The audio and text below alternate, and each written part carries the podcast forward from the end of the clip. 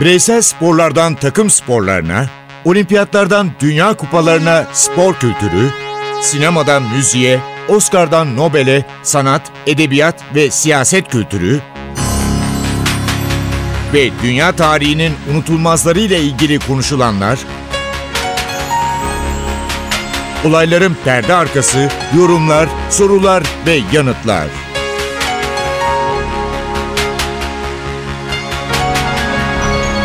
Ercan Taner ve Mert Aydın'la Ateş Arabaları başlıyor.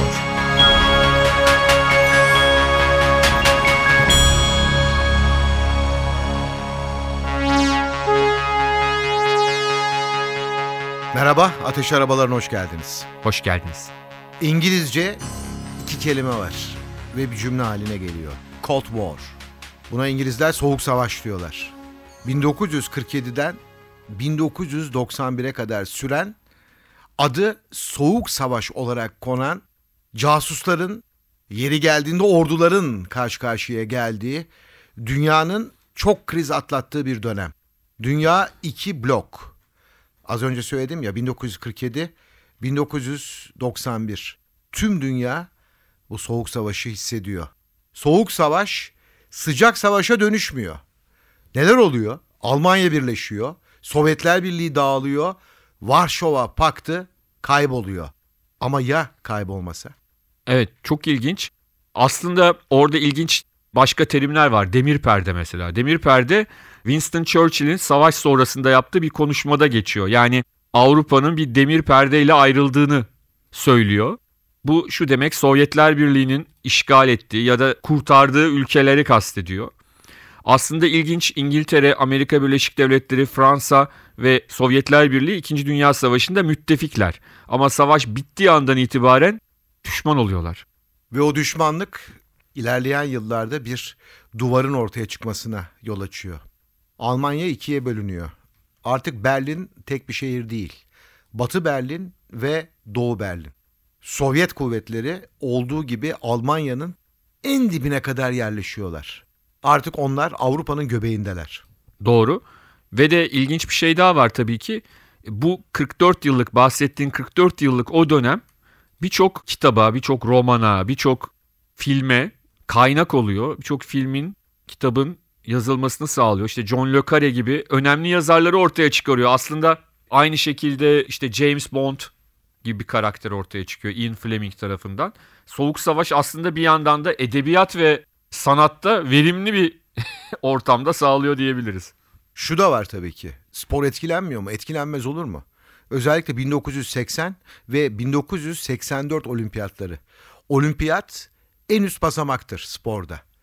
Ve Sovyetler Birliği'nin Afganistan'a saldırması Batı'yı ayağa kaldırıyor ve diyorlar ki biz olimpiyata katılmıyoruz. Moskova'daki 1980 olimpiyatlarına. Varşova Paktı da bunun karşılığında 84'te Los Angeles olimpiyatlarına katılmıyor. Spor ağır darbe alıyor. Futbolda da bir sallantı var. Şöyle bir sallantı bu. Diyelim ki bir Sovyet takımı Spartak Moskova. Avrupa'da herhangi bir yere gidiyor ve ertesi gün gazetelerde şöyle manşetler çıkıyor. Spartak Moskova'nın 3 oyuncusu batıya iltica etti. Evet bununla ilgili aslında Türkiye'de ilginç bir köprü. Çok önemli, çok ilginç futbolcular Türkiye üzerinden iltica ettiler. Mesela daha sonra Almanya'da Werder Bremen'in kalesini uzun süre koruyan son dönemlerinde de Rize Spor'a da gelmişti. Jürgen Pal. Bayern Münih'in sağ beki vardı. Sen çok iyi hatırlarsın Ercan abi. Norbert Nahvay. Nahvay'dı. İkisi de Doğu Alman genç milli takımının Türkiye ile yaptığı maç sırasında iltica ediyorlar. Doğu Almanya'dan Batı Almanya'ya. Ve Bursa'da bu iltica gerçekleşiyor. Evet. evet. Aynı şekilde Türkiye'de değil ama başka ülkedeki bir maç sırasında işte yine ülkemizde oynayan Falco Götz Doğu Almanya'dan Batı Almanya'ya yine bir genç milli maç sırasında Avrupa'da iltica ediyor. Böyle ilginç örnekleri var. Şimdi günümüzde de yaşadığımız için bu soğuk savaşı artık öyle adlandırabiliriz. Esasında korkunç iki blok karşı karşıya. Şöyle. Doğu blokunda tam 1800 savaş uçağı var. Hepsini bir kenara bırakacağım.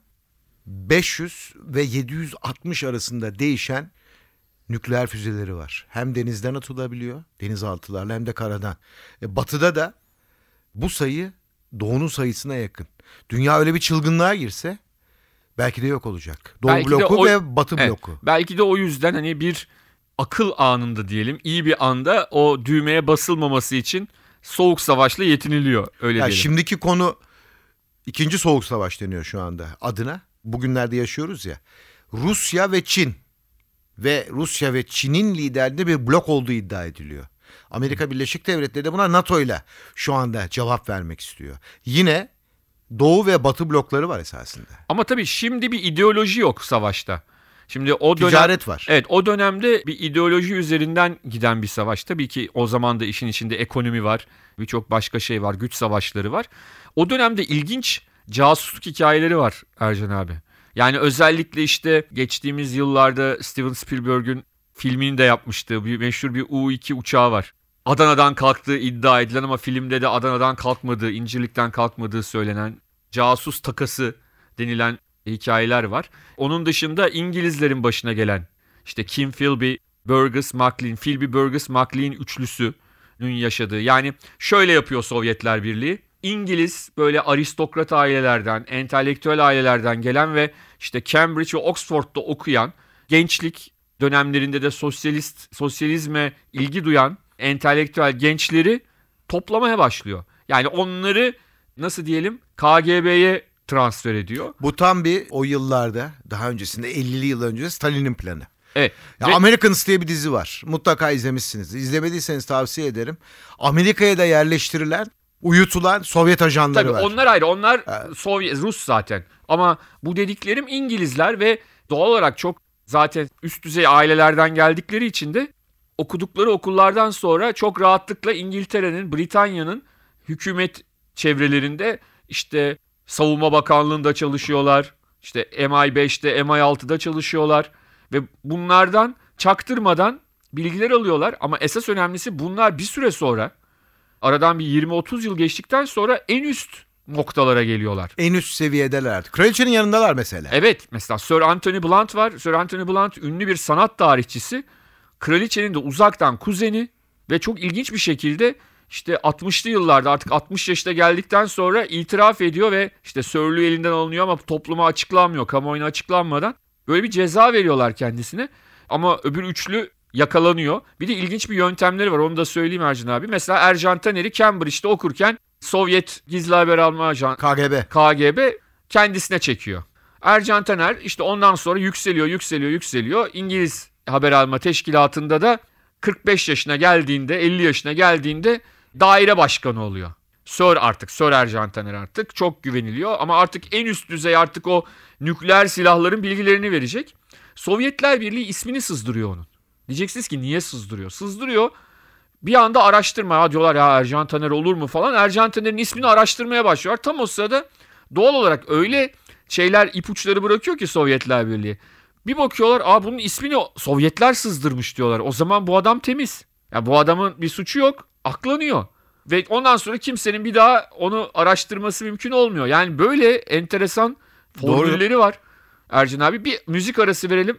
Sana döneceğim ondan sonra. Hem de müzik arası dediğimiz Rus saraylarında, Sovyet demiyorum, Çarlık zamanında meşhur bir rahip var. Her türlü entrikaya bulaşmış bir rahip. Adı Rasputin. Rasputin onunla ilgili bir şarkı aslında 70'lerin sonunda çıkan bu şarkı bence Sovyetlerde yasaklanmış ama yasaklanmasa daha iyiymiş. Sanki hani Çarlığı kötüleyen o anlamda ama o dönem o yasaklanmıştı 1970'te Sovyetler Birliği'nde yasaklanan şarkı.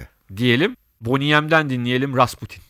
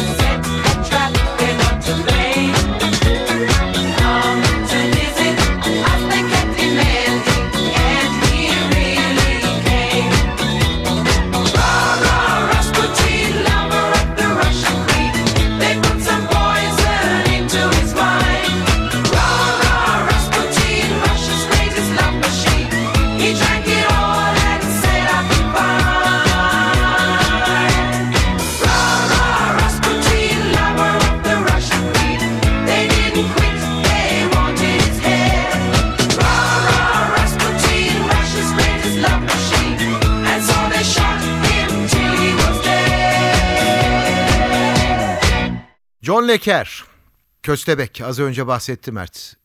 Nasıl İngiliz ajanları elde ediyor Sovyetler Birliği o yıllarda? MI6'ya yazılıyor. Çok kabiliyetli.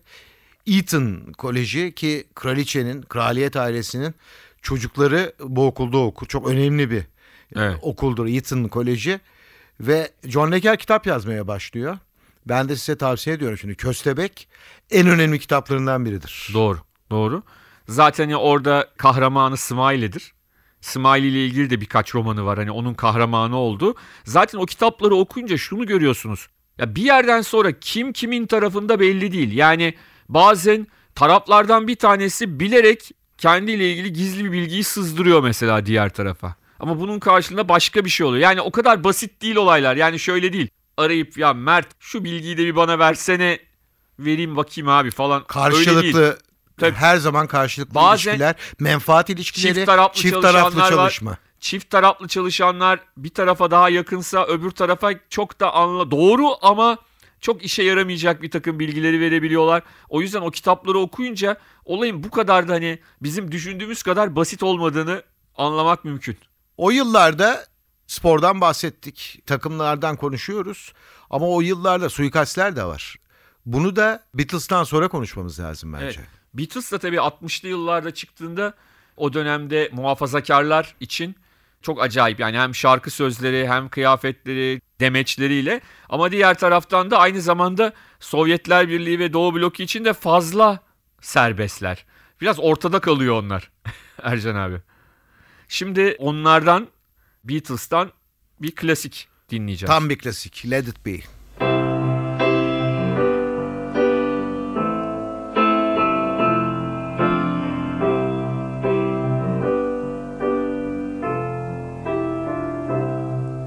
When I find myself in times of trouble, Mother Mary comes to me, speaking words of wisdom, let it be. And in my hour of darkness, she is standing right in front of me, speaking words of wisdom, let it be. Let it be, let it be, let it be, let it be. Whisper words of wisdom, let it be. When all the broken hearted people living in the world agree, there will be an answer, let it be. For though they may be parted, there is still a chance that they will see. There will be an answer. Let it be. Oh, let it be.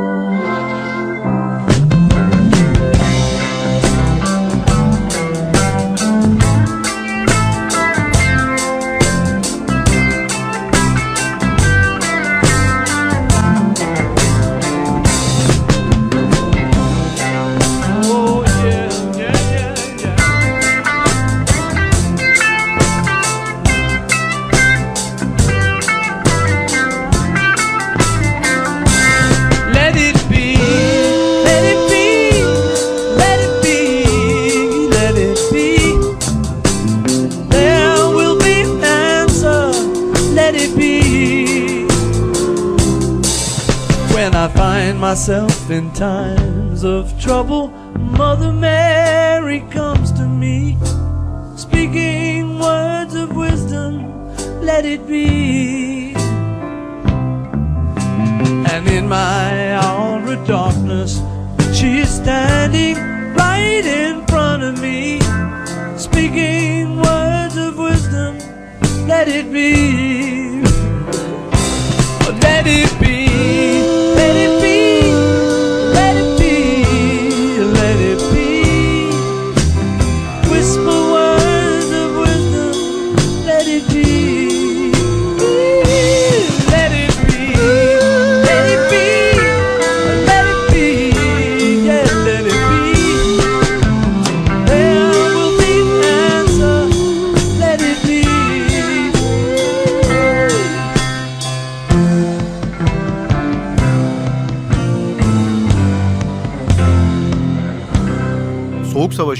değerlendiriyoruz Mert'le. Tabii ki suikastler var. İki hafta önce olan olay. 66 yaşındaki ajan Sergei Skripal. 33 yaşındaki kızı Yulia Skripal halen yoğun bakımdalar. Ne olacak durumları belli değil. Salisbury'de bir restorana gidiyorlar. Sonra bir alışveriş merkezi yakınlarında bir bankın üstünde birbirlerinin üzerine yığılmış halde bulunuyorlar. Gaz kullanıldığı iddia ediliyor. Ve İngiltere'de ilk kez kullanılan bir gaz. Bir saldırı. Bu da ortaya tabii ki büyük bir skandalı çıkartıyor İngiltere ve Rusya adına. Bu yüzden de biliyorsun diplomatlar sınır dışı ediliyor. Ama bu yepyeni bir olay değil Mert. Evet, evet. Yani senle de beraber okuduğumuz Svetlana Alexiyevich'in bir kitabı var. Nobel ödülü kazanan kitap Sovyetler Birliği dönemindeki yaşamış insanlarla öncesinde ve sonrasında yapılan röportajları içeriyor. Bazıları hemen komünizm yıkıldıktan sonra bazıları da komünizm yıkıldıktan 10-15 sene sonra yapılan orada anlatılan ilginç bir zehir hikayesi var. Çarlık döneminde çok önemli zehirler Çar'ın saraylarında bulunuyor. Ve Stalin KGB içinde Çar gittikten sonra önemli bir zehir birimi kurduruyor. Bu zehirlerin pan zehirleri sadece Ruslarda var. Onun dışında bu zehirlere muhatap olduğunuzda ki bir isim var. Eski organize suçlar alanında bir uzman. Adı Litvinenko. Rus oligark Bronz Berezovski var Evet. ve suikast sonucu KGB suikast sonucu öldürüldüğünü iddia ediyor. Evet Berezovski de şöyle söyleyelim futbol severler için belirtelim. Futbolla da çok ilgili bir insan. Aynı zamanda da çok yakından tanıdığımız Abramovich'in mentörü diyelim. Hani onun onu ilk çıkaran adam, altyapıdan bulan adam diyelim. Abramovich'in manevi abisi. Ve Litvinenko 1999-2000'de iki defa tutuklanıyor Moskova'da. Diyor ki bir cinayet var ve bu cinayeti aydınlatmam lazım. Diyorlar ki sen Rusya'da yaşayamazsın. İngiltere iltica ediyor. Ve İngiltere'de bir restoranda yemek yerken bir anda fenalaşıyor. Neden fenalaşıyor? Yemeğin yanında bir salata var. Tarih 1 Kasım 2006. Salatadan 3-4 kaşık aldıktan sonra çatal bir anda radyoaktif madde zehirlenmesiyle hastaneye kaldırılıyor ve kurtaramıyorlar. Tabii ki cinayeti kimse üstlenmiyor. Doğal olarak. Ama Billy Joel'ın üstlendiği bir şarkı var. Cinayeti değil ama şarkıyı üstleniyor. Billy Joel 40'lı yılların sonunda doğan tam bir ne diyelim Amerika'da Soğuk Savaş döneminde doğup büyümüş, yetişmiş bir insan. Onun yazdığı çok güzel ve dokunaklı bir şarkı var Leningrad diye. Ki bugün St. Petersburg aslında eski adıyla ve yeni adıyla. Aradaki adı Leningrad komünizm dönemindeki. O şehirde yaşadıklarını anlattığı Leningrad'ı dinliyoruz.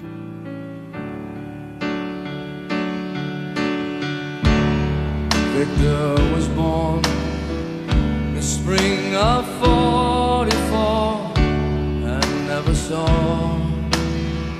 his father anymore.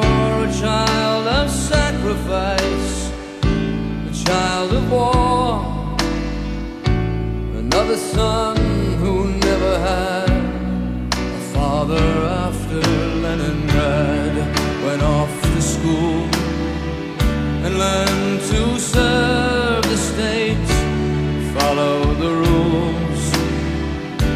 Drank his fine.